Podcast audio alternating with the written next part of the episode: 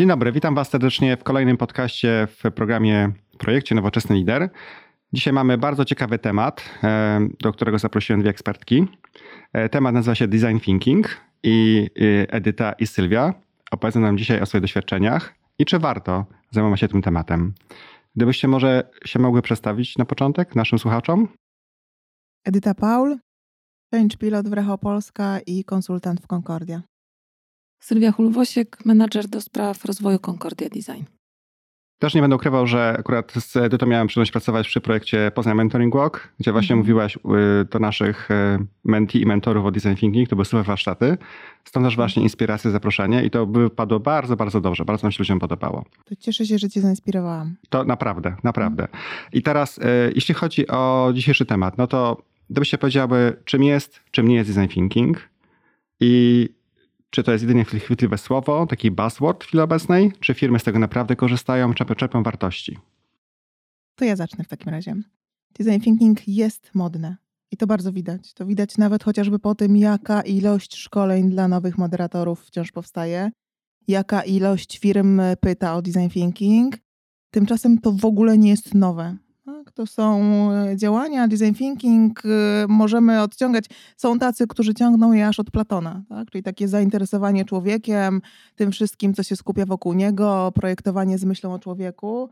Na pewno początki w Bauhausie, czyli na pewno ten moment, kiedy było takie mocno wyraźne nastawienie na to, żeby projektować z myślą o użytkowniku, to jest Bauhaus. A to, co dzieje się dzisiaj, to jest na pewno wynik tego, że organizacje szukają rzeczy takich, czy też takich działań, które pozwolą im jeszcze bardziej skupić się na użytkowniku. I stąd też taka niesłychana moda design thinking.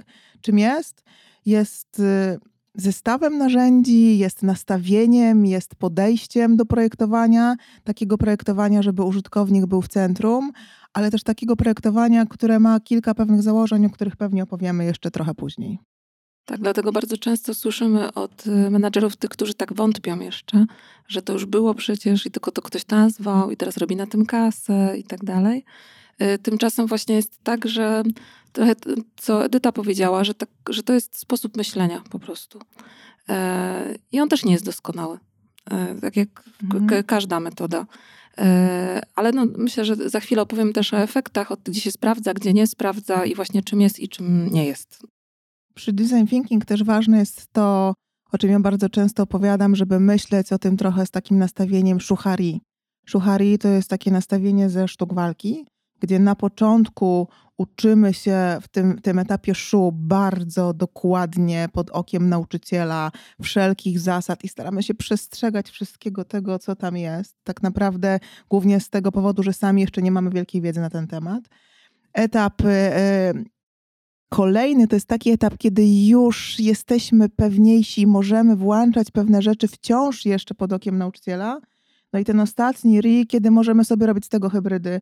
I my z Sylwią obie jesteśmy fanką hybryd, czyli Dokładnie. żeby design thinking to nie było tylko i wyłącznie design thinking, tylko na pewnym etapie, kiedy już jesteś na tyle pewny siebie, że wiesz, że możesz sam sobie tworzyć rozwiązania konkretne, łącząc design thinking z różnymi innymi rzeczami, to jest model idealny. Czyli design thinking tak, pod warunkiem, że nie będzie to jedyne narzędzie w Twojej skrzynce, czyli że nie będzie to ten jedyny młotek, bo wtedy faktycznie wszystko jest tym gwoździem w koło. I tak jak Edyta powiedziała, to jest coś, co jest niezwykle elastyczne. I to nie jest tak, bo niektórzy mają takie oczekiwania, jak przychodzą właśnie na różne szkolenia, że dostaną e, opis etapów, e, narzędzia, jakie są na poszczególnych etapach e, i jakie będą rozwiązania.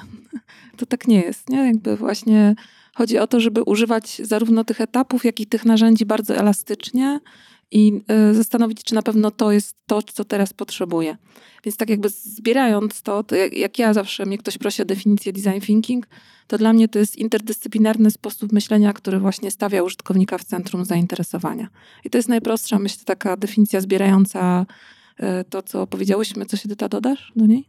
To, że design thinking też jest trochę wymuszony przez klienta, bo wszyscy wiemy, wszyscy widzimy w koło, co się dzieje, tak, że klient oprócz tego, że ma dostęp do niesamowitej ilości informacji, tak, że każdy z nas ma w kieszeni smartfona, który ma moc obliczeniową większą pewnie niż cały program kosmiczny Apollo, to jeszcze wykorzystuje tenże dostęp do, do informowania o tym, co myśli na temat danego produktu. W związku z tym firmy są skazane na to, żeby myśleć e, właściwie oczami, uszami, sercem użytkownika, a nie swoimi. Czyli są skazane na to, żeby iść z tego kierunku takiego e, inside out, czyli takiego myślenia my, firma, wiemy lepiej i powiemy ci, drogi użytkowniku, jak masz tego używać co masz robić, na takie myślenie outside in, czyli szukanie tych inspiracji na zewnątrz, słuchanie klientów, sprawdzanie, czego oni będą potrzebować, o czym być może jeszcze sami nie wiedzą i myślenie w zupełnie drugą stronę. I w związku z tym, no wszyscy jesteśmy skazani na takie myślenie, takie stawianie użytkownika w centrum. To nie musi być design thinking, natomiast na pewno musi być to myślenie zupełnie inne niż do tej pory czasami jeszcze firmy prezentują. Ale tak naprawdę właśnie esencją tego wszystkiego są ludzie. Tylko y, często jak widzę niektóre procesy design thinking, to użytkownik jest w centrum zainteresowania, ale coś, co ostatnio y, dla wielu jest odkryciem równie ważne, jest ten, kto projektuje, czyli te zespoły projektowe, które projektują. Czyli ci ludzie są y, centrum, ale właśnie w tych dwóch aspektach, czyli dla kogo projektują i kto projektuje. No? Tak, te zespoły multidyscyplinarne, czyli takie założenie, jedne, jedno z ważnych niesłychanie założeń design thinking, żeby projektowaniem zajmowały się zespoły multidyscyplinarne, czyli żeby to nie było tak, że jest jeden dział, mamy monotematycznych ludzi, y, bardzo do siebie podobnych i brakuje tych różnych punktów widzenia. Ta multidyscyplinarność, taka radykalna współpraca między totalnie zupełnie różnymi ludźmi, bardzo różniącymi się i poglądami, i pochodzeniem, i kulturą, i wartościami od siebie, daje najlepsze efekty. I to, co Sylwia mówi, to żeby zadbać też o to, kto jest w tym zespole, a nie tylko dla kogo projektujemy. No? I ta różnorodność na wielu poziomach, na, y, zaczynając od płci, wieku, doświadczeń, kompetencji, ale właśnie też różnych stylów myślenia, różnych stylów działania. Y, bo jak ludziom często jest tak, że mm, robię taki eksperyment i proszę, żeby ludzie się sami dobrali w zespoły, to te zespoły są tak podobne, nawet wizualnie, że później są nudne też w tym, co tworzą. Więc chodzi o ten, taką, takie różnice, które się tworzy. Nie?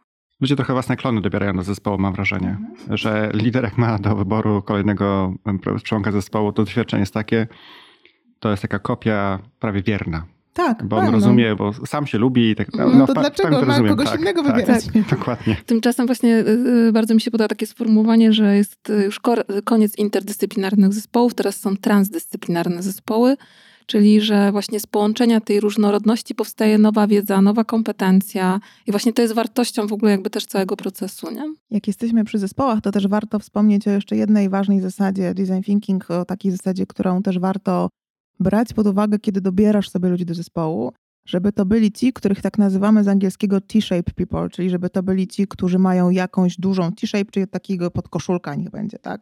Czyli mają ogromną jakąś wiedzę w jednej dziedzinie, ale za to są też bardzo zainteresowani wszystkim w koło, tak? Czyli ekspert, inżynier, który doskonale się zna, nie wiem, na, na polichlorach i wszystkich innych dziwnych rzeczach, ale za to na przykład też wie, co to jest empatia i wie też, co to jest, nie wiem, psychologia relacji, albo ma doświadczenie z tak dziwnymi rzeczami, które może być pomocne gdzieś tam w tym wszystkim, co To się tak ładnie nazywa ciekawość horyzontalna. O, nawet nie wiedziałam, ale ładnie się nazywa. Powiem wam szczerze, ty, ty się uczę bardzo dużo teraz, ja słucham, naprawdę. To są super, ja muszę sobie później ponotować te sformułowania i poszukać ich gdzieś, co one dokładnie oznaczają. Super. Damy ci materiały. Dzięki. W ogóle jakbyśmy mogli, też możemy podlinkować e, rzeczy i do waszych mm, prac, tak, i do tak, projektów, tak, tak dalej, mm. pod podcastem, także żeby ludzie mogli sobie zobaczyć.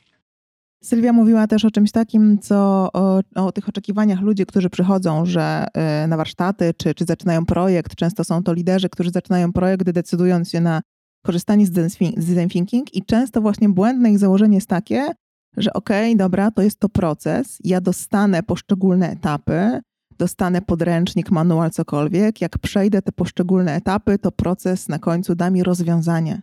Niestety nie jest tak, tak, bo design thinking jest bardzo często ludziom, którzy pierwszy raz biorą udział w takim projekcie, wydaje się strasznie chaotyczne. Bo to jest trochę tak, jakbyśmy latali po różnych pokojach. W jednym pokoju mamy empatię, w drugim pokoju mamy, nie wiem, szukanie rozwiązań, w trzecim pokoju mamy prototypowanie, ale niestety to nie jest tak, że idziemy tak jak w muzeum od do, od do, tylko czasami musimy wracać, tak, gdzieś tam latać w tą i z powrotem. Tak, czyli to nie jest proces linearny, tylko...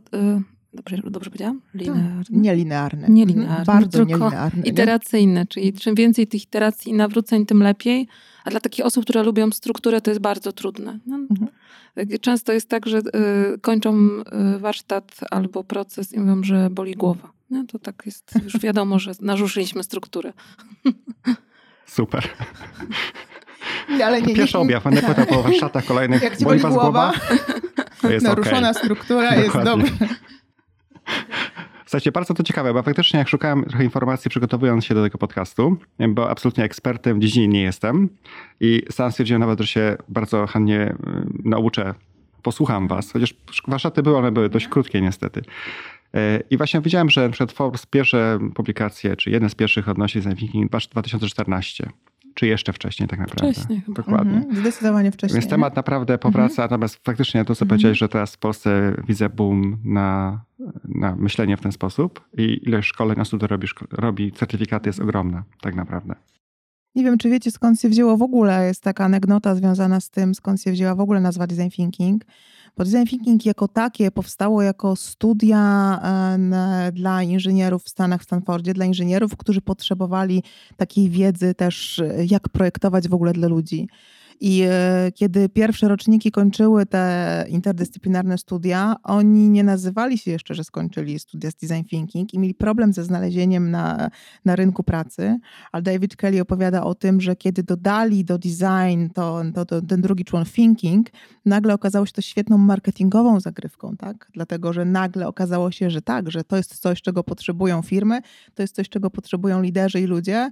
I być może sama nazwa design thinking nie do końca e, e, jest tym, co, co to dokładnie określa, bo gdybyśmy to dokładnie przetłumaczyli, to to, co po polsku by to brzmiało myślenie projektowe czyli takie uporządkowane myślenie po kolei, po kolejnych etapach. To, co Sylwia wspominała, to nie jest y, sam proces, to jest po prostu podejście i, i coś, co trzeba mieć w głowie, taki mindset z angielskiego, tak? czyli coś, co trzeba mieć w głowie, a niekoniecznie manualne przejście od etapu A do B do C i na końcu mamy y, jakiś konkretny pomysł na rozwiązanie. I Myślę, że to co ważne, bo też często słyszę takie pytania, e, jak szybko można to zrobić. Bo wszystko chcemy szybko teraz, nie? Jakby czas jest deficytem, więc wszystko szybko. E, Tymczasem no jakby my z Edytą brałyśmy udział już w różnych projektach i, i są, to w zależności też od celu, nie? Są takie e, procesy, które trwają trzy miesiące i cztery, a są takie, które trwają trzy dni. I nie można powiedzieć, że któryś jest lepszy albo gorszy, bo też pytanie jest, od czego wychodzimy, nie? E, Nie wiem, czy to jest już pora na przykłady. E, Bardzo proszę, oczywiście. No, struktura, struktura strukturą e, podcastu, natomiast bądźmy... Mówiliśmy o tym, Okej. że tu nie ma struktury, No bo, bądźmy design thinking. Dokładnie. Nie, nie, nie, więc nie, dawaj przykłady. E, Okej, e, e, takim jednym z moich ulubionych przykładów jest na przykład, na przykład Taupa. E, e, To jest jakby, e, to stwierdziliśmy w, w procesie razem z szefową, która jest niezwykłym wizjonerem e, marketingu, że e, zrobimy taki proces, który będzie trwał kilka dni, ale będzie przydzielony przerwą i że badań nie zlecimy właśnie na zewnątrz, tylko badania zrobią pracownicy, którzy są zaangażowani w proces. I to był cały dział produkt, produktowy cały dział marketingu i oni szli- poszli, twierdzili, że wiedzą wszystko na temat użytkownika i mają masę badań rzeczywiście mają ich masę. Mm. E, Tymczasem jak e, stali, się etnografami, stali przygotowani przez socjologa do e, badań takich w domach u klientek, to wróciły tak z nowymi insightami, e, że byliśmy zszokowani w ogóle, jak można inaczej spojrzeć w ogóle na całą pielęgnację e, kobiet. E, I, kilka ciekawostek. Moja ulubiona jest, mogę? Takie tam różne dygresyjki. Moja ulubiona jest, że się okazało, dla panów to jest w ogóle niezrozumiałe, że kobiety krem pod oczy używają tylko pod oczy. Tymczasem dla topy było oczywiste, że powinny wokół oczu, no bo wszędzie jest napisane, że wokół. Więc to był taki insight, który też nas tam pokierował w jednym fajnym kierunku projektowym. Ale właśnie dla mnie jest nie, y, taką wielką frajdą y, wyjście w teren właśnie i, zba- i pobadanie, i poobserwowanie, i powyciąganie tych insightów, nie? Sylwia wspomina o ważnym słowie insighty. Jak się zaczniemy interesować design thinking, to tam wciąż natykamy na słowo insight i często ludzie się pytają, ok, ale co to takiego jest? Dla mnie to jest taka różnica między tym, co ludzie mówią, że robią, a co robią rzeczywiście. I tam się odkrywają rzeczy magiczne. I tam są właśnie takie rzeczy, które powodują, że ej, ale nagle mamy zupełnie nowe rozwiązania, tak? Czyli insighty to są takie spostrzeżenia z tego, jak zaczynamy faktycznie tak antropologicznie patrzeć na to, co się w koło dzieje i, i patrzeć takim zjawiskiem. Wszyscy znamy takie pojęcie zjawisko déjà vu, nie? że patrzymy na coś i wydaje nam się, że już to widzieliśmy. A w Insights jest odwrotnie. Jest takie, takie wijade, czyli patrzę na coś, na co patrzyłem zawsze, na coś, co znam, na coś, co wszyscy patrzą dokładnie w taki sam sposób od wielu lat i nagle odkrywam zupełnie coś nowego. I nagle widzę zaskakujące rzeczy. To są właśnie insighty. I tutaj też w tym pierwszym etapie, bo żeby nadać trochę struktury, Sylwia, to powiemy, że pierwszym, jednym z pierwszych etapów design thinking to jest ten etap, w którym faktycznie e, empatycznie oglądamy, zbieramy informacje, patrzymy, rozmawiamy i tak dalej. I to jest też taki etap, na którym często grupy projektowe polegają trochę, czyli odnoszą małe i większe klęski. Po co się okazuje, że idziemy pytać ludzi, albo zadawać im pytania, albo sprawdzać, jak to jest, ale idziemy z takim trochę już nastawieniem, że ja mam w głowie rozwiązania. Czy idziemy z takim trochę nastawieniem, że Houston, mam rozwiązanie. Nie? Czyli nie, że szukam, jakie jest rozwiązanie problemu, tylko idę i tak naprawdę dla wielu osób robiących po raz pierwszy takie badania czy wywiady w tym procesie, w pierwszym etapie empatii, to oni idą z nastawieniem, że pójdę potwierdzić to, co wiem i czasami wyrzucają z głowy, nawet jak dostają te informacje.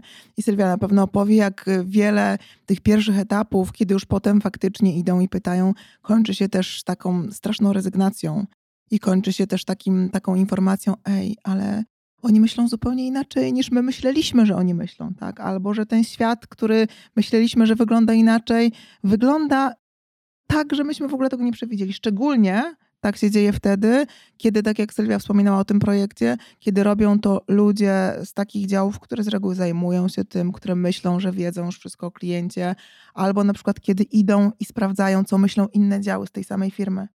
Wtedy dzieją się rzeczy czasami takie nawet mocno depresyjne, nie? Pamiętasz, -hmm. Sylwia, z wielu tak, projektów, tak. nie? No to, to jest tak, że szczególnie jeżeli to są takie bliskie tematy sercu, mhm. na przykład HR-owe, bo też w HR bardzo dużo się stosuje teraz design thinking i mamy takie doświadczenie z edytą z jednego e, procesu, zresztą o którym opowiadałam na Gdynia Design Days razem z Volkswagen e, Poznań, że ten etap empatii był tak dołujący, bo jakby badani byli pracownicy wszyscy i przez pracowników, że nie mogliśmy tego zespołu później pociągnąć w kosmos. Mamy takie sformułowania, że jesteśmy albo na Ziemi, albo w kosmosie w procesie.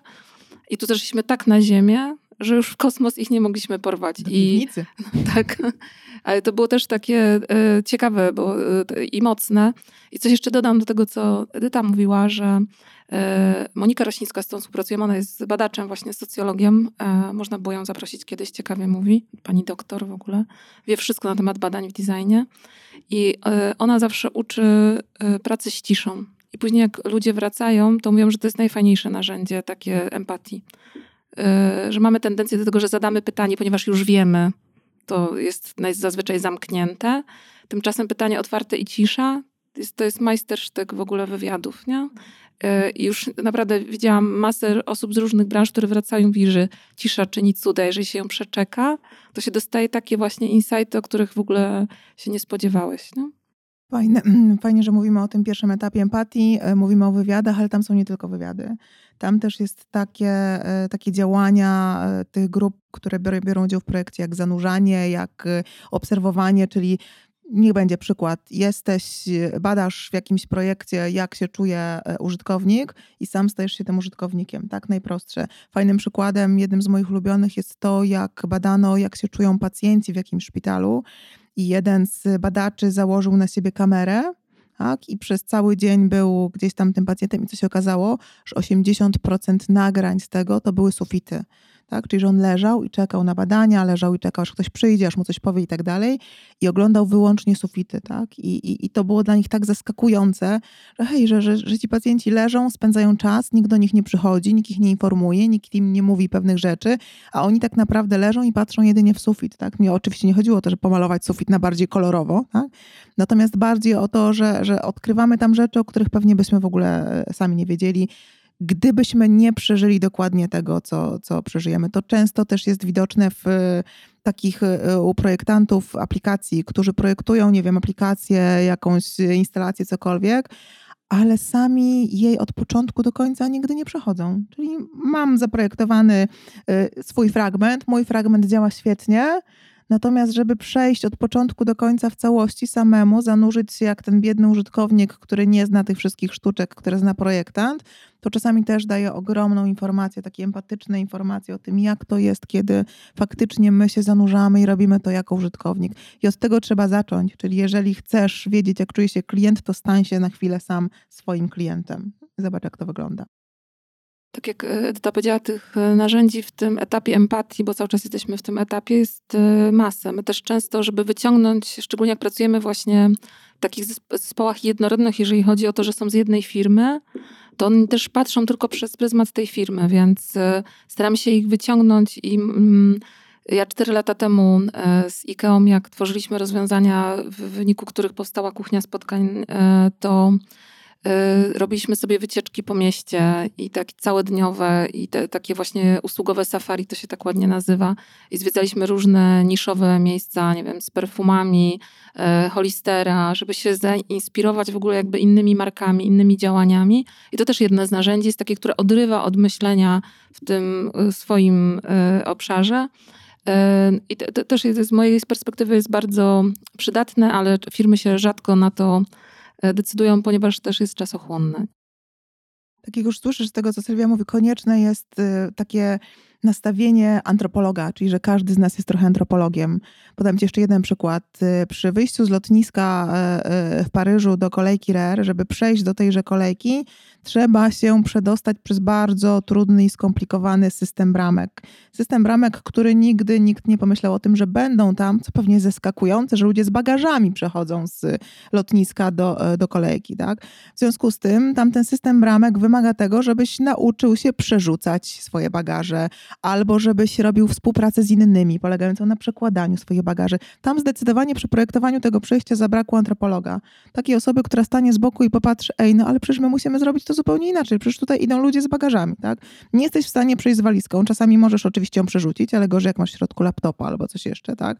Jak jesteś w dwójkę, to jest łatwiej, ale jak jesteś sam i idziesz z dużymi bagażami, no to masz faktycznie ogromny problem. Takie podejście antropologiczne jest niezbędne, żeby w ogóle mówić o design thinking, żeby w ogóle podchodzić do projektu właśnie na tej, na tej zasadzie. To już chyba pora, pora na drugi etap, co? Tak. Kolejny, kolejny, czyli jaki? Czyli no, jak już mamy te wszystkie, no, to jest też trudne, nie? czyli jak już zbierzemy te wszystkie insighty, zbierzemy te wszystkie badania, już jesteśmy po tej fazie czasami depresyjnej mocno, tak? kiedy już wiemy, że, że co działa, co nie działa i wiemy, gdzie jest problem, to teraz czas na ponowne zdefiniowanie problemu tak naprawdę, bo my przechodzimy do do projektu, czasami już z gotowym określeniem, co chcemy załatwić, jaki problem, a potem się okazuje po tej fazie, że to wcale nie jest ten problem, który chcieliśmy załatwić, nie? że on leży zupełnie, zupełnie gdzie indziej i że, że to nie jest tak, jak myśleliśmy na początku, że to jest to, co jak rozwiążemy, to da nam jakieś konkretne rozwiązania. Czyli po tej fazie, kiedy zbieramy to wszystko, kiedy ta grupa siada i sprawdza, często okazuje się, że hej, ale to wcale nie jest to, co chcieliśmy. Dam przykład. E, duży producent e, szczoteczek e, elektrycznych wyszedł z takim problemem do, do projektu, że bardzo by chciał zaprojektować taką szczoteczkę, która to szczoteczka będzie informowała klientów czy użytkowników myjących zęby, że hej, źle umyłeś swoje zęby, na przykład, tak? Czyli, że tutaj masz jeszcze niedomyte i tak dalej. Miało to polegać na tym, że będzie oczywiście w szczoteczce jakaś specjalna aplikacja, my będziemy sobie myć te zęby i na telefonie ta aplikacja będzie nam pokazywać, że jeszcze musisz tutaj domyć. Co się stało? Kiedy poszli projektanci w tym etapie empatii do ludzi, kiedy zaczęli zadawać im pytania, okazało się, że ludzie mają gdzieś i wcale nie chcą, żeby kolejna informacja o tym, jak źle myją swoje zęby, do nich docierała i ich frustrowała, bo doskonale wszyscy wiemy, że zawsze tam gdzieś tam nam się nie uda domyć i tak dalej. I pojawił się pewien insight, że jak mamy szczoteczkę elektryczną i bierzemy ją gdzieś na wyjazd, na delegację, gdziekolwiek, to zdarza nam się zapomnieć ładowarki. Tak? Zobaczcie, że w tym etapie projektowania, kiedy chodziło o to, żeby zaprojektować świetną aplikację pokazującą nam, jak myjemy źle zęby, doszło po tym etapie empatii, badań i tak dalej do tego, że zaprojektowali coś zupełnie innego. Zaprojektowali szczoteczkę z wyjściem na USB, którą możemy sobie ładować w laptopie. Tak? Czyli jak zapomnę ładowarki, to mogę sobie naładować e, w laptopie. Czasami tak jest, że idziemy z jednym tematem, chcemy to, a nagle okazuje się, że problem jest zupełnie inny. I że żeby zaprojektować coś lepszego dla użytkownika, będziemy szukać zupełnie innych rozwiązań w zupełnie innym kierunku. Do tego jest ten drugi etap, nie? Tak, często jest też to niezrozumiałe dla osób, które patrzą na to z boku, e, bo ja pamiętam nasz projekt też Edyta w nim uczestniczyła właśnie dla Volkswagena, gdzie y, y, pracownicy badali jak działa, jak wartości w firmie w ogóle, Volkswagen do nas przyszedł, może zacznę od tego z tym, jak komunikować wartości bo każda korporacja dostaje z globala i teraz co? Tymczasem my ich namówić na to, żeby zmienić cel i go określić, co zrobić, żeby w ogóle ludzie żyli tymi wartościami. I z tymi grupami interdyscyplinarnymi z Volkswagena tworzyliśmy rozwiązania. Jedna grupa zajęła się wartością odważnie, i odważnie się nią zajęła. Poszła z, właśnie robić badania i jeden, to jest w ogóle taki cytat, który też podajemy w różnych miejscach, go uwielbiam, że Jarek ze spawalni powiedział, prosicie o to, żebym wam powiedział to z odwagą, a ja tak naprawdę nie mam w ogóle przestrzeni do tego, być, żeby być odważnym. I oni tą przestrzeń, jak zaczęli szukać insightów, potraktowali dosłownie, e, czyli fizycznie i zaczęli badać w ogóle przestrzenie, gdzie ludzie spędzają czas, czyli stołówki, miejsca, gdzie jedzą. Się okazało, że jest dużo do zrobienia. I tak naprawdę z, z wartości odważnie wziął się cały projekt stołówki, który jest realizowany w tej chwili przez y, Volkswagena. Y, I wszyscy, y, jak, jak słyszą, to mówią, ale jak? Wartości odważnie stołówka? Nik, nikomu się to nie skleja. Ale jak, jak, jak im przytoczymy właśnie ten proces dochodzenia, to dopiero wtedy jest taki ten klik, nie? Tak, czyli czasami jest to zaskakujące, idziemy w coś innego, co też, bo jak mówimy o liderach, tak, oni muszą być też na to gotowi, że jeżeli już wchodzisz w proces design thinking, to możesz być zaskoczony. Czyli może się okazać, że to, z czym przyszedłeś, w ogóle nie jest ważne, że są dla ludzi rzeczy ważniejsze, dla użytkowników ważniejsze i może się okazać, że to, co ty chciałeś naprawić, w ogóle nie jest potrzebne, bo, bo to nie jest priorytetem, tak? Więc liderzy, którzy decydują się na ten proces, muszą być też na tyle gotowi i na tyle odważni, żeby przyjąć to, że nie zawsze mają racji, że nie zawsze gdzieś tam wychodząc z konkretną rzeczą, z tą samą rzeczą skończą. No, no to musi być też taka duża gotowość. Kolejny etap, Sylwia, po kiedy już mamy proces empatii, kiedy mamy zdefiniowany problem. Przedefiniowany. Mhm. Mhm. No to musimy teraz zacząć szukać rozwiązań. Nie? Czyli ten etap ideacji. Ulubiony przez niektóre grupy. Tak. Bo tam się dzieją rzeczy szalone. Tak, i to jest ten mhm. kosmos właśnie. Mhm. To jest mój konik i ja kocham w ogóle. I tak jak e, wspominałam, już nieraz jest trudno z tej Ziemi pociągnąć w kosmos, więc tutaj jakby mają zastosowanie wszystkie techniki kreatywne świata. E, I e, nie wiem, czy jest miejsce na to, żeby opowiadać, jakie. My, my dzisiaj mamy pewnie za mało czasu, ale tam naprawdę dzieją się rzeczy szalone, bardzo czasami. Tam się też zużywa to, z czym się kojarzy design thinking, Czyli ogromną karteczki. ilość karteczek. Tak. Ale też jak macie przykłady fajne, które popierają, to dajcie, bo e, wiecie, ludzie będą słuchali i mogą być trochę zgubieni. Rozumieją słowa, ale nie wiedzą, jak to działa, więc jakiś dobry przykład, Dobra, to mi się wydaje, będzie celny. Dobra. Ten proces, nazwijmy go procesem ideacji, tak? Czyli wtedy, kiedy ten multidyscyplinarny zespół tak naprawdę ma wiedzę, czego potrzebuje klient, ma insighty, y, wyciągnął właściwe wnioski, sformułował sobie problem i teraz szuka rozwiązań problemu. To, co często nazywamy y, i to, co często w korporacjach jest bardzo źle robione, burza mózgów, to nie jest to, tak? Czyli to nie jest takie typowe, że dobra, to teraz musimy wymyślić 100 sposobów na. Y, Sylwia, jako ekspertka od kreatywności, pewnie mogłaby cię zasypywać tutaj jakimś tysiącem różnych pomysłów na to, jakie, jakie działania, ale najważniejszym w tym etapie jest to, żeby wyjść z ogromną ilością e, e, e, rozwiązań. Bo tak jak mówił jeden z noblistów, że żeby mieć super pomysł, to trzeba mieć tysiące głupich pomysłów, tak? I o to tak naprawdę chodzi. Za pomocą różnych technik kreatywności szukamy rozwiązań, ich jest bardzo dużo, ale nie po to, żeby wdrażać je wszystkie, tylko żeby potem w kolejnym etapie wybrać dwa, trzy, które przejdą do fazy prototypowania. Tak, tutaj ten przykład ze stołówkami, który Sylwia podawała, to na przykład yy, był jednym z wielu. Tak? Oni wtedy jeszcze pewnie nawet nie mieli pojęcia, że, że to wejdzie. Zresztą na samym podejrzewam, że w procesie ideacji to był w ogóle jeszcze nie, nie zarysowany. On się gdzieś tam dopiero kształtował pewnie w tym kolejnych y, y, etapach prototypowaniu i ponownym zbieraniu informacji.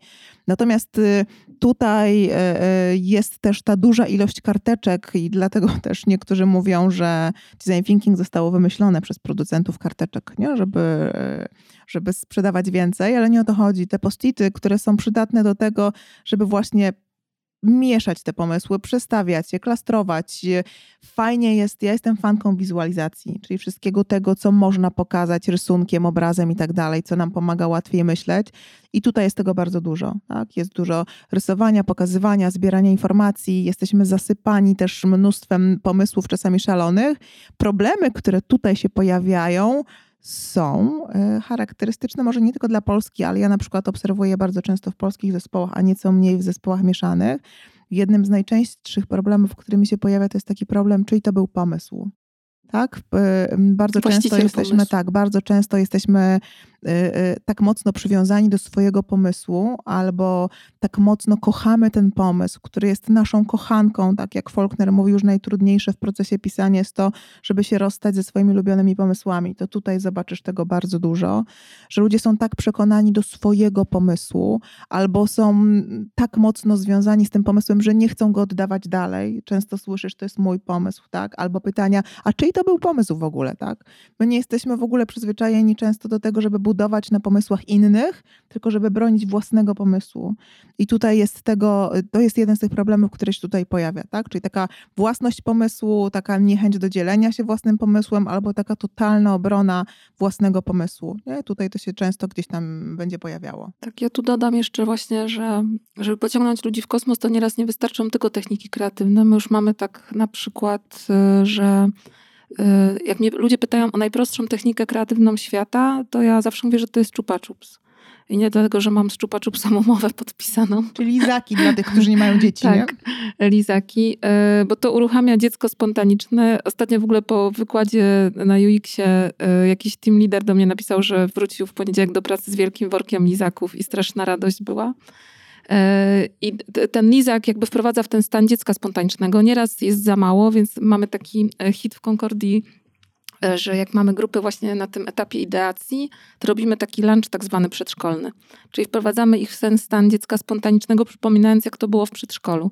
Jest marchewka z groszkiem, naleśniki z serem, kisiel, wata i różne inne rzeczy. Kotleciki mielone. E, tak, i też wi ja widzę wtedy, na ile grupa jest rozluźniona i wchodzi w taką zabawę i, i, i później tworzy ideację, a na ile jeszcze trzeba to podkręcić z takich technik, które stosujemy najczęściej, no, moim, moim hitem jest, y, ja już nie cierpię, ale wszyscy zawsze uwielbiają Piramida Skojarzeń.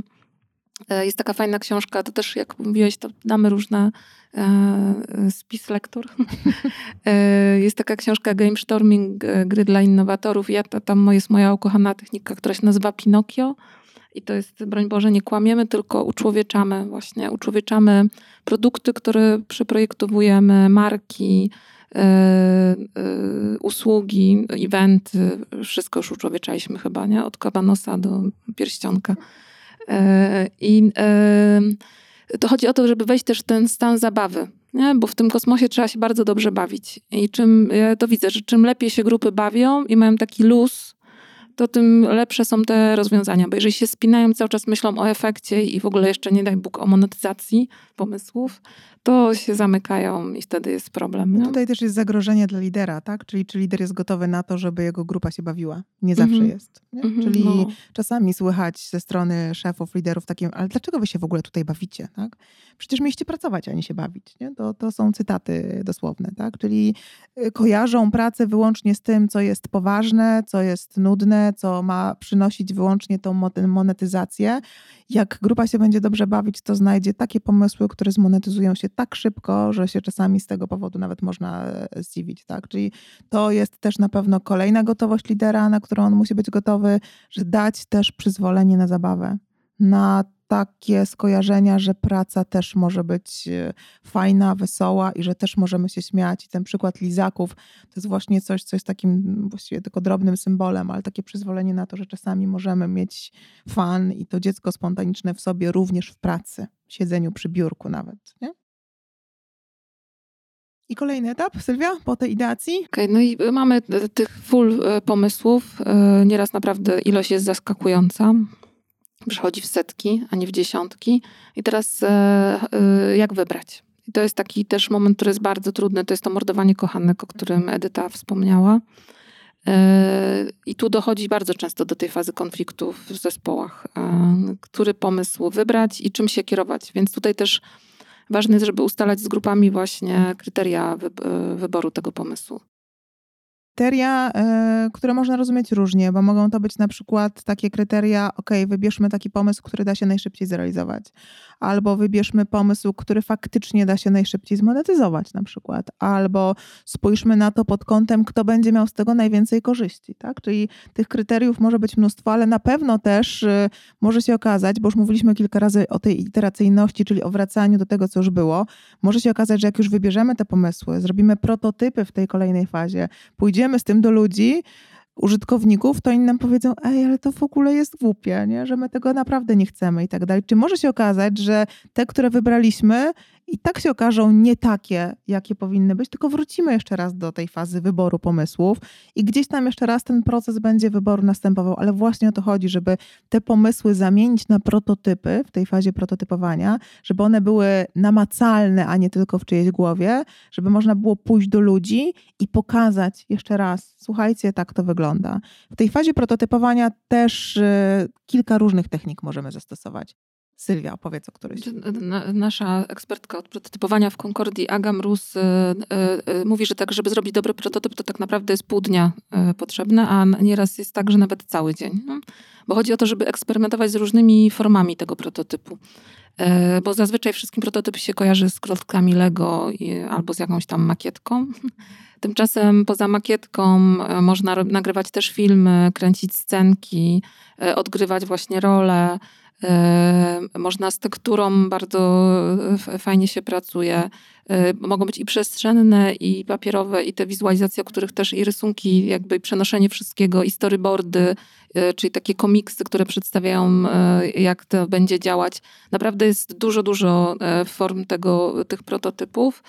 Ważne jest to, że w, przy tym prototypie nie chodzi tylko o to, żeby to zwizualizować, tylko też często wychodzi, że ten sam pomysł jest różnie rozumiany przez e, osoby w zespole, czyli e, też nagle się okazuje, że dochodzimy do kolejnych rozwiązań w prototypie, bo zaczynamy o tym rozmawiać, że ja jednak widziałem to inaczej niż ty. E, ważne jest, żeby później ten prototyp pokazać użytkownikom i żeby oni też odnieśli się do tego. Teraz robiliśmy taki ciekawy projekt dla IKEA Park Urlicha, i tam stocznia nam pomagała w konsultacjach społecznych właśnie prototypów, nie? że my stworzyliśmy e, w, na warsztatach kreatywnych y, rozwiązania różne, zrobiliśmy prototypy, a stocznia jakby zrobiła konsultacje społeczne i sprawdziła właśnie y, z, z, z mieszkańcami tej dzielnicy, e, czy te pomysły w ogóle gdzieś im się podobają, czy nie. I znowu mieliśmy kolejną iterację. Nie? Także wracając do pytania Edyty, prototypy w formie mogą być bardzo różne, ale ich cel jest też e, tak naprawdę po to, żeby E, zwizualizować pomysł, żeby nadać mu jakąś formę, żeby e, jedno, tak samo myśleć o tym rozwiązaniu i żeby sprawdzić u użytkowników, czy to e, jest coś, co chcieliby, jeżeli tak, to jak, dlaczego i żeby mogli też trochę podotykać, posprawdzać. I tutaj ja dorzucę oczywiście kolejne zagrożenie dla lidera, czyli czasami jak są na przykład osoby takie bardzo nastawione mocno biznesowo, które uznają, że on nie będzie rysował, albo nie będzie robił struktury, albo przecież nie będzie projektował silnika do samochodu, robiąc go z papieru i rurek, albo z czegokolwiek jeszcze innego. Czyli takie nastawienie na to, że to musi, to jest też często błąd. Mówi się o tym, że prototyp, prototypy są po to, żeby upadać szybciej tak? czyli żeby te klęski ponosić szybciej. Ogromnym błędem wielu firm, liderów, zespołów jest to, że chcą, żeby prototyp był idealny i żeby on wyglądał już prawie jak produkt, tak? żeby on był gotowy na tyle, że ja nie wstydzę się pójść i pokazać na przykład komuś tego, jak to wygląda. To często słyszymy, mm. zlećmy to komuś na tak, zewnątrz. Tak, tak, żeby nam to zrobił ładnie i żeby to było ładnie wycięte, równo pokolorowane, albo że przecież nie narysuję, bo muszę do tego zatrudnić specjalne y, studio graficzne, żeby mi to zrobiło, więc tego się nie boimy. To mają być najprostsze prototypy, rysowane zwykłą, odręczną kreską, długopisem. Nie potrzeba do tego żadnych specjalistycznych rzeczy. Zasada jest jedna. To, co Sylwia mówiła. Przy tworzeniu prototypu nagle się okazuje, że zespół rozumiał to inaczej, więc to jest ten moment, żeby sprawdzić, czy my idziemy w jednym kierunku, czy rozumiemy to podobnie. I druga niesłychanie ważna, żeby ten prototyp namacalnie, ten pomysł mógł zostać pokazany tym potencjalnym użytkownikom. I tam też wychodzi mnóstwo takich informacji zwrotnych. Tak? Też ciekawych nieraz jest tak, że grupy muszą zrobić kolejną iterację, bo przychodzą z tą swoją makietką i mówią, że wszystko jest do kosza. Tak, też się zdarza, nie? I na to też muszą być gotowi, że, że może się okazać, że to, co wymyślili, do, do czegoś tak bardzo przywiązali i to, co, co myśleli, że będzie najlepszym pomysłem na świecie i w ogóle zbawią galaktykę dzięki temu, okazuje się, że zupełnie nie. No i tutaj... Ta nasza grupa od stołówek, pamiętam jak poszła właśnie z makietą stołówki, to oni tam zaplanowali, że obok tych stołówek, jakby w stołówkach będzie takie miejsce, gdzie będzie można też poćwiczyć fizycznie, taka mini siłownia. No i przyszli w ogóle zdruzgotani, że jednak te siłownie w ogóle zostały tak. wyśmiane. Bo ludzie powiedzieli, że ja sobie na siłownię to mogę iść po pracy, a daj mi większą przestrzeń, żebym porządnie zjadł śniadanie. Nie? Tutaj też jest ważne to, że e, te grupy w ogóle w design thinking, w każdym etapie design thinking, ale też e, muszą być gotowe na bardzo negatywny feedback czasami. Tak? My, my wychodzimy czasami z założenia, że przecież ja wiem, że to jest dobre i próbujemy przekonać innych do tego. Natomiast tu się dzieje, ja często mówię, że żeby być w zespole projektowym design thinking, musisz być też odporny psychicznie. Nie, bo tam jest szczególnie, szczególnie jeżeli zachęcamy ludzi, ej, powiedzcie nam, co tutaj nie działa, no to zachęcając ich do tego, dostajemy czasami taki natłok negatywnych informacji, których wcale byśmy nie chcieli słyszeć. Bo Edyta, płynnie przeszłyśmy już do fazy testowania, czyli z, z, prototypem idziemy do użytkowników i testujemy, ale nie tylko do użytkowników, bo to też jest taki błąd e, design thinkerów, czy jakkolwiek ich nazwać, że e, idą tylko do użytkowników. Tutaj jest też mm, dla mnie na przykład taki ważny moment, kiedy można wykorzystywać ekspertów różnych. Nie? Ekspertów, nie użytkowników. Nie użytkowników, tak. Kogoś, kto nigdy by nie użył tego produktu i pytanie dlaczego. Mm -hmm. Jak mu mhm. to pokazujesz, to się okazuje, że tam masz też fajne, zaskakujące rozwiązania, że nie używam tego, bo, tak? I tutaj to, co ludzi często zaskakuje, ej, ale to możemy zrobić dla nich coś zupełnie innego, fajnego, takiego, które faktycznie spełnia ich oczekiwania na przykład, nie? Ale też pamiętam kiedyś taką grupę, która wymyśliła sobie pachnące łóżko i poszli do eksperta od zapachu, który im powiedział, że nikt nie zniesie zapachu więcej niż tam 40 minut chyba. E, I też wyszli zdruzgotani. Czyli te, też jakby właśnie sprawdzenie pomysłów z ekspertami, którzy są ekspertami w tych wąskich dziedzinach, których nieraz pomysł dotyczy, też jest ważne. I ostatni etap, kiedy faktycznie już mamy to, co, co wybraliśmy, no to ta odwaga, żeby wdrożyć to w życie ale też niekoniecznie na takiej zasadzie, e, że wdrażamy i już nigdy nie wracamy, bo nawet wtedy, kiedy już się zdecydowaliśmy, że ten projekt, ta usługa, ten serwis i tak dalej jest i wchodzi w życie i zaczyna działać, to tam też musimy być gotowi na stałą interację, na stałe zbieranie informacji, na tą taką e, retrospektywę, czyli na sprawdzanie, ej, czy nam to wyszło, czy nie. Czyli to nie jest tak, że na końcu mamy gotowiec, który zawsze będzie działał, zawsze ten. Dlatego mówimy wciąż o tym, że to jest takie nastawienie, to jest sposób myślenia, tak? To nie jest proces, który przeszliśmy, tylko mamy produkt, który powstał, niech będzie, że to stołówki, tak? I fajnie, jak ludzie zbierają wciąż jeszcze informacje, co jeszcze możemy poprawić. Czyli nie zostawiamy to nasze dziecko i niech ono sobie samo rośnie, tylko sprawdzamy, co jeszcze można gdzieś tam poprawić. I takim w ogóle najwdzięczniejszym użytkownikiem, który y, totalnie odwraca y, wszystkie prototypy świata i nawet takie gotowe produkty są dzieci. Bo oni w ogóle mają ja już widziałam kilka takich procesów wywróconych do góry nogami przez dzieci.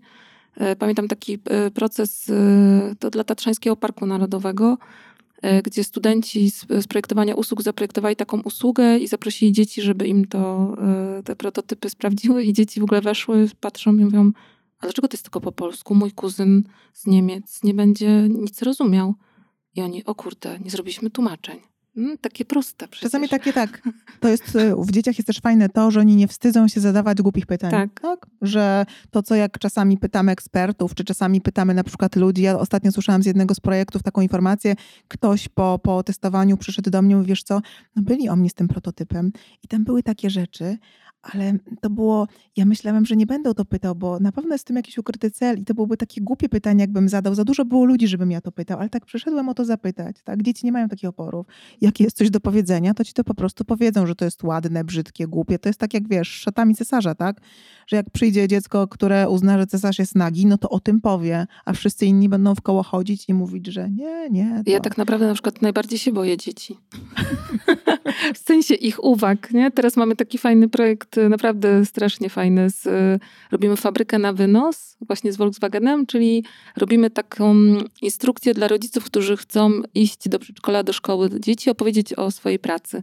I całą lekcję zaprojektowaliśmy razem z pracownikami, wszystko wiecie, jest z panią od przedszkola, E, I teraz idziemy właśnie do, na pierwszą iterację z prototypem, czyli rodzic przeprowadzi pierwszą lekcję z dziećmi. Co I dzieci ja myślę, powiedzą. że w ogóle y, nie pomysł, oczekujemy super się, pomysł, No, super.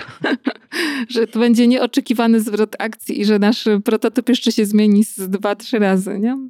Tak, zresztą czasami zaskakujące jest też to, że te dzieci, wykorzystywane są to złe słowo, pomoc dzieci jest ważna nawet przy takich bardzo poważnych rzeczach. Dam Ci przykład y, y, urządzeń do fabryki, tak? czyli gdzieś tam bardzo skomplikowany kokpit, tak to nazwijmy, operatora w y, linii produkcyjnej. Y, przy okazji Dnia Dziecka, imprezy w fabryce poproszono dzieci, żeby się pobawiły tym kokpitem. One nie miały nic robić, tylko dostały informacje, do czego to działa i tak dalej. Oczywiście odłączono od prądu ale ci, którzy stali z boku, projektanci, którzy mieli obserwować, odkryli zaskakujące rzeczy, jak to jest nieergonomiczne, jak to jest nieintuicyjne, jak dzieciaki w ogóle, wiesz, dotykały czegoś zupełnie innego niż miały dotykać, jak okazało się, że te przyciski są w zupełnie miejscach takich, które być nie powinny. I tam, zobaczcie, że zupełnie nie dziecięcy świat, tak, bardzo skomplikowane urządzenia technologiczne, okazało się, że dlaczego mamy nie ułatwiać też tym dorosłym, yy, którzy mogą też mieć łatwiej przy tej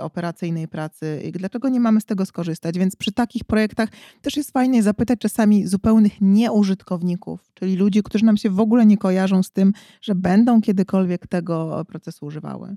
Zobaczcie, że prześledziliśmy te, te wszystkie etapy, tak? Myślę, że taki opis tych etapów też wrzucimy gdzieś tam pod podcastem, żeby łatwiej było dla tych, którzy mają strukturę, żeby łatwiej było sobie gdzieś tam spojrzeć. I pamiętajmy też o tym, że potrzebny jest, żeby w ogóle design thinking wdrożyć do firmy, to potrzebna jest do tego zgoda na wielu poziomach. Czyli szef, który chce. Ale lepiej ludzie, przejdzie no, sam przez no, jakiś proces. Tak, ludzie z dołu, góry, z różnych szczebli organizacji, którzy chcą.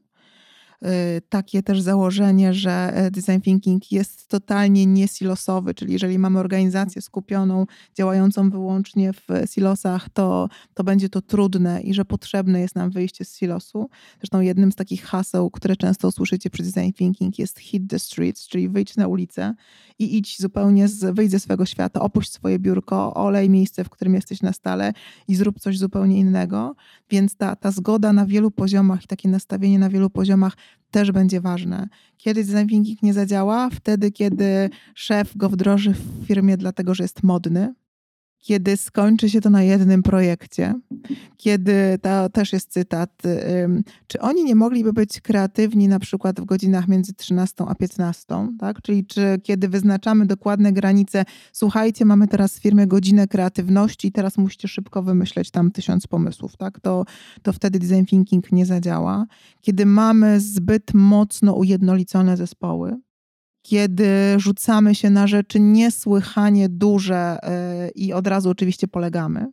I nie zadziała też wtedy, kiedy nie mamy w firmie, organizacji, w zespole takiego przyzwolenia na błędy.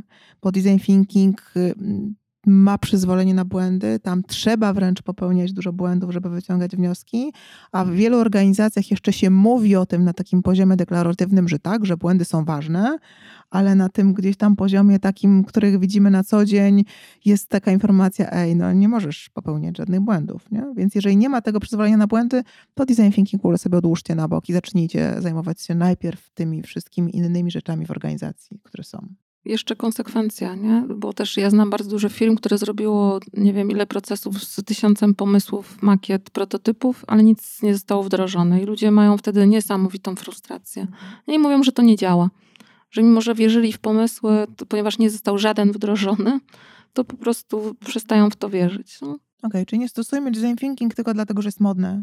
Tylko wtedy, kiedy faktycznie organizacja jest na to gotowa, kiedy macie kulturę na to gotową, i wtedy jest to naprawdę rewelacyjne narzędzie. W połączeniu jeszcze z innymi y, narzędziami, w połączeniu z innymi nastawieniami takiej pracy projektowej, wtedy naprawdę jest to narzędzie takie, które zresztą mam wrażenie, że jak się byśmy spotkali, jak do, dotrwamy do 2050 roku na przykład, to, to nie będzie innej formy pracy. Nie? Nie będzie po prostu innej formy pracy, jak takiej projektowej z nastawieniem na tego końcowego użytkownika, z taką iteracyjnością, przyzwoleniem na błędy, z wyciąganiem wniosków i takiej pracy, która jest nastawiona na takie krótkie etapy, wchodzę, sprawdzam, testuję, tak? Wchodzę, sprawdzam, testuję. Nie przychodzę z gotowym pomysłem i nie próbuję przekonać całego świata do niego, tylko sprawdzam, co świat o tym myśli albo jak to robi tak? i wyciągam z tego wnioski. To jeszcze może y, zadam pytanie, taką klam, może nie klamrę, ale pytanie, rola nowoczesnego lidera w tym obszarze. Bo mówiłyście, że potrzebna jest przestrzeń w organizacji na budowanie kultury związanej z design thinking. Teraz wiele firm również przechodzi przez taką rewolucję agile'ową, gdzie mi się wydaje bardzo dużo zbieżnych tak, punktów tak, tak naprawdę. Zdecydowanie, nie? E, mówi się też kultura, która zachęca do kreatywności, ale też do popełnienia błędów, mhm. prawda? Czyli to jest też nienaturalne, chyba też w Polsce przyznanie się w ogóle przez lidera do popełnienia do błędu. błędu, to jest duża odwaga.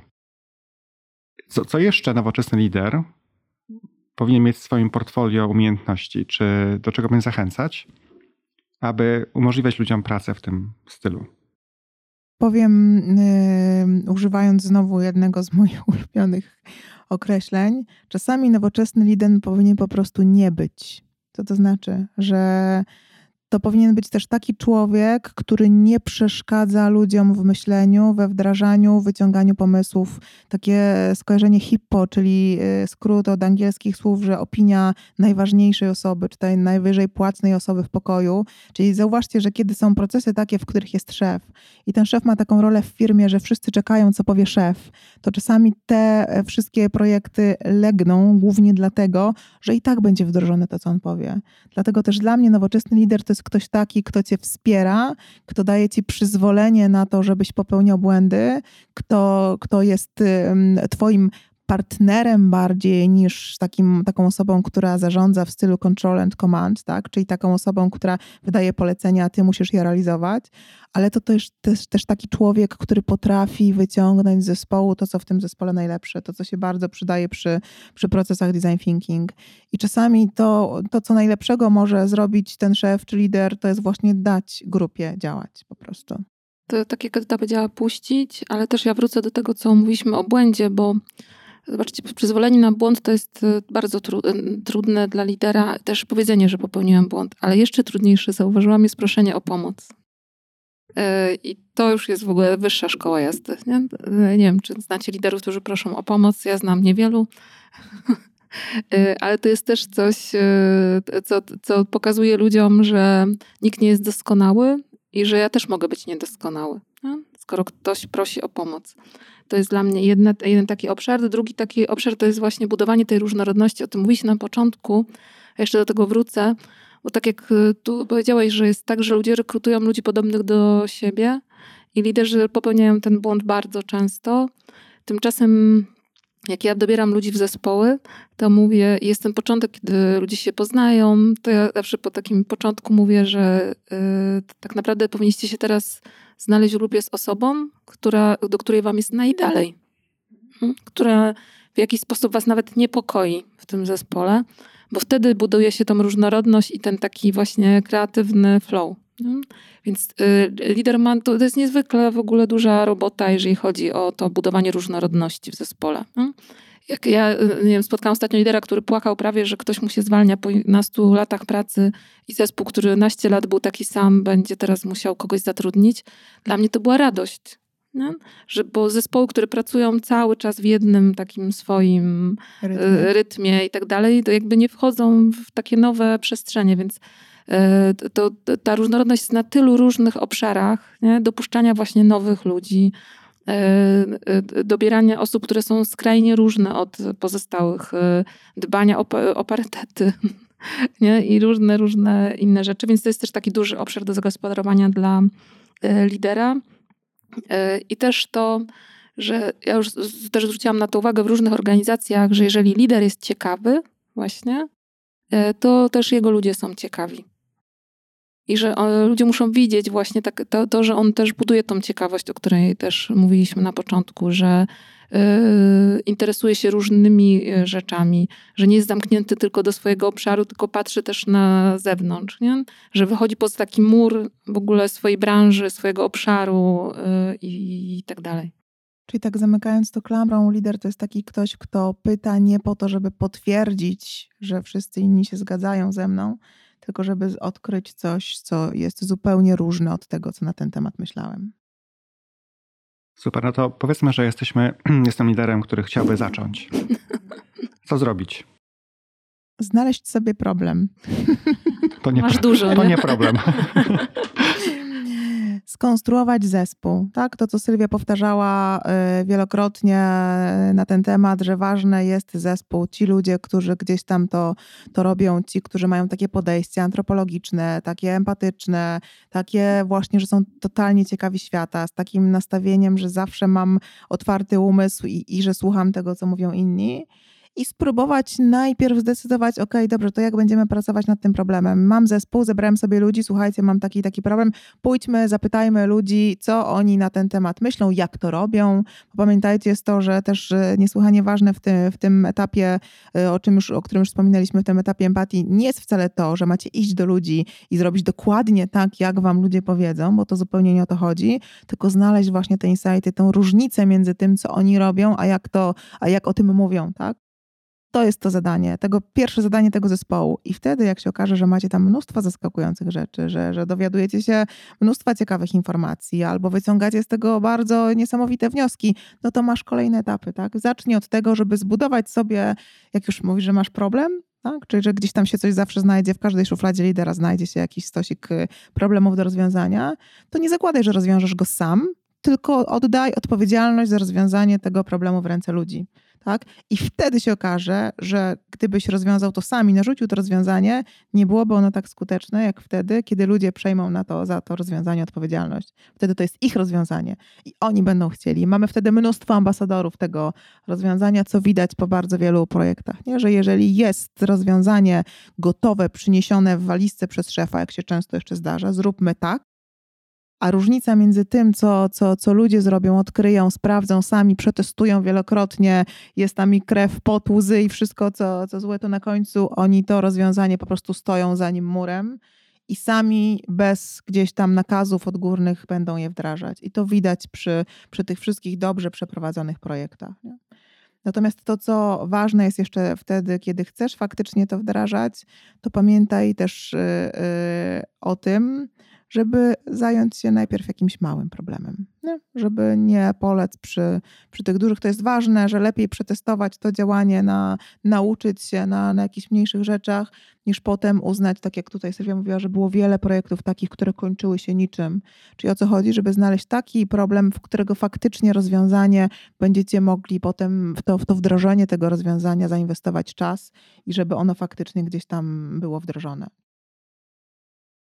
To może jeszcze jedno pytanie, bo podałyście przykłady z e, dość dużych firm. Volkswagen, IKEA to duże, znane marki na polskim rynku i również globalne. Czy to jest tylko dla dużych firm? Nie, nie, zdecydowanie nie. Ja mam też mnóstwo przykładów właśnie z takich malutkich firm, czasami jednoosobowych, czasami firm, które zajmują się, są, nie wiem, usługodawcą i sprzedają na przykład same w sklepie, są sobie wszystkim, tak? Wtedy, owszem, jest nieco trudniej, bo nie masz tego wielkiego zespołu przy sobie, no ale masz nawet rodzinę, znajomych, klientów, których możesz zapytać, tak? Nie o to chodzi, żeby mieć ogromne fundusze, czas na spotkania i tak dalej. Jeszcze raz podkreślmy, że design thinking to jest podejście, to jest sposób myślenia, to jest y, to, w jakiej formie, w jaki sposób działamy, jak myślimy, jak podchodzimy do świata, do ludzi. To nie jest y, zestaw narzędzi gotowych dla bogatych, dużych firm. To nie jest kwestia tego, żeby zatrudnić tysiące moderatorów, którzy będą ci to prowadzić i tak dalej. Zdecydowanie jest to sposób myślenia. Myślę, że nawet szybciej będzie czasami widoczny w takich małych firmach, no bo nie ma silosów, nie ma jest tych ogromnych przeszkód, jest szybka, tak. Jest łatwiejsze przejmowanie odpowiedzialności. Nikt nie czeka na decyzję przez kilka tygodni i tak dalej. W związku z tym łatwiej i szybciej czasami jest wdrożyć te, ten, to podejście, ten sposób myślenia w małych firmach. Nie? Ale zaczynając właśnie ja od, taki od ostat, głowy. Ostatni przykład, bo właśnie w poniedziałek doświadczyłam już efektu, e, że e, pracowaliśmy, pomagaliśmy w firmie u fryzjerów. Mała firma. Mała mhm. firma. Kilkunastu fryzjerów, jeden szef. E, i przenosili się do innego zakładu i postanowili ten zakład, zakład to się tak już nie nazywa, nie? salon fryzjerski, e, postanowili przeprojektować właśnie pod potrzeby użytkownika i to jest tak, że nie zadział się cały proces, ale to myślenie poprzez e, potrzeby użytkownika to było naprawdę nie, niezwykłe. No. I później duża, już nie będę mówić jaka marka kosmetyczna zobaczyła efekty tego i powiedziała, kurde, my dostaliśmy to samo z Globala. Że jak widać, czasami jest szybciej w małych yy, Tak. Yy, I to jest też yy, fajne w ogóle, jak się później, jak teraz byłam u tego fryzjera i się położyłam na fotelu, który mi masował plecy w trakcie mycia e, włosów. Naprawdę niezwykłe, powiem wam, e, doświadczenie. Tak, czyli zdecydowanie dla małych firm też. Tak? I myślę, że łatwiejsze nawet. Dlaczego pytam? Dlatego, że tak jak pewnie wiecie, duże firmy mają programy, tak. różniejsze rozwiązania, know-how, dostają szkolenia z globala. Z globala. Natomiast bardzo często słyszę później, że dobrze, róbcie fajne rzeczy, ale moja firma jest za mała, mhm. mnie nie stać. Jest inna. Jest tak. inna, tak. I ja zawsze mówię, ale spróbuj. To jest najważniejsze. Spróbuj, najwyżej ci się nie uda, nie spodoba, ale spróbuj, bo to, to moim zdaniem jest, może niekoniecznie musisz inwestować aż tyle, mieć aż tak dużych zespołów, ale na pewno możesz spróbować możesz nawet zrobić to sam. Tak? Czyli to jest to, że, że ja widzę, jak działają ludzie, którzy się zachwycili myśleniem design thinking i robią to sami Czasami tylko owszem, na tym etapie iteracji, czy tam zbierania pomysłów i tak dalej, wychodzą do, do innych, natomiast czasami przez, nie mają w ogóle zespołu, tak? Czyli starają się przejść przez ten proces zupełnie sam. Owszem, ma to pewne minusy, natomiast też działa, tak? No, to jest to właśnie to szuchari, no, naucz się procesu, ale potem stosuj je dokładnie tak, rób sobie swoją własną hybrydę, połącz sobie technikę agile'owe z, z design thinking, połącz to sobie jeszcze z innymi technikami, spróbuj połączyć to z zarządzaniem projektem, zrób sobie swoje, tak? To nie musi być tak, że wiesz, bierzemy książkę i lecimy i teraz jak niezgodnie z książką, to minus. Nie? Ja też teraz, jak zadałeś to pytanie, sobie przeanalizowałam, e, jak na, bo na studiach podyplomowych ludzie przychodzą bardzo różni i wiecie, że na właśnie na projektowaniu usług, czyli na właśnie kierunku związanym z rzeczą, o której dzisiaj mówimy, e, najwięcej jest tych małych firm, e, takich właśnie raz jednoosobowych. Z tych dużych firm ludzi jest mało. I nawet te, zdarzył się w tym roku jeden, mamy jednego prawnika, który ma małą kancelarię i chce wdrożyć w ogóle takie myślenie poprzez potrzeby użytkownika w kancelarii. No, to jest, no. Słuchajcie, Sylwia, Edyta, bardzo serdecznie Wam dziękuję. To była naprawdę pasjonująca godzina. Nie wiem, czy wiecie, już minęła tak, godzina tak. naszego podcastu.